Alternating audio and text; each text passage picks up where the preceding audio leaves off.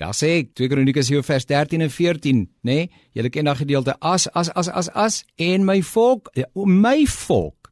Julle ouens, ons is maar so geneig om te sê as hierdie slegte mense rondom ons net tot inkeer kom.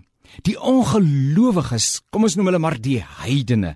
Deesdae praat ons daarom op 'n ander manier van mense wat die Here nog nie ken nie. Ons sê nog nie kinders van die Here nie. Waar ons wil mense nie sommer sommer by implikasie onmiddellik verlore verklaar nie. Nie ons God is groot en hy sê hy wil dat enige mense verlore moet gaan nie. En daarom praat ons van nog nie gelowiges nie, want daar is by ons die versigtiging en die verwagting dat God se genadewerk in elke mens se lewe nie afgehandel is voordat hy ons inderdaad kom haal het nie, nê. Maar hoor 'n bietjie wat staan daar. My volk oor wie my naam uitgeroep is. Waar moet ons met ander woorde die problematiek en baie van die problematiek van ons eie dag gaan parkeer?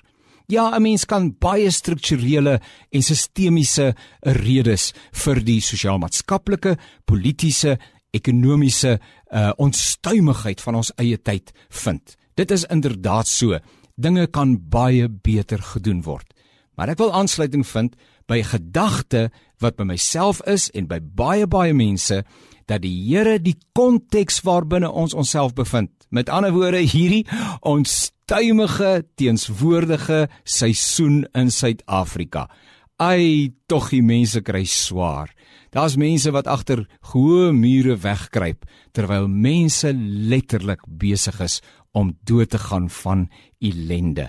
In so tyd sê die Here, wil ek julle opnuut weer kom oproep tot geestelike lewe en energie. My volk. Die Here sê as my kinders tot inkeer kom.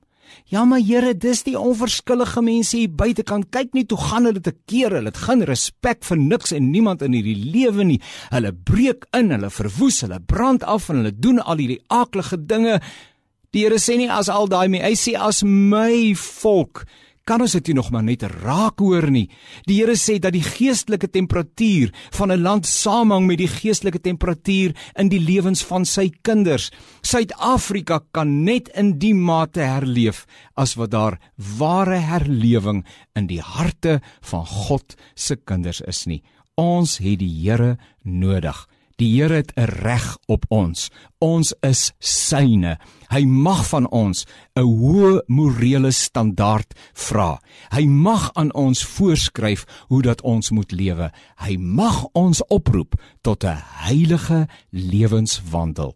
Kom Heilige Gees en herleef ons.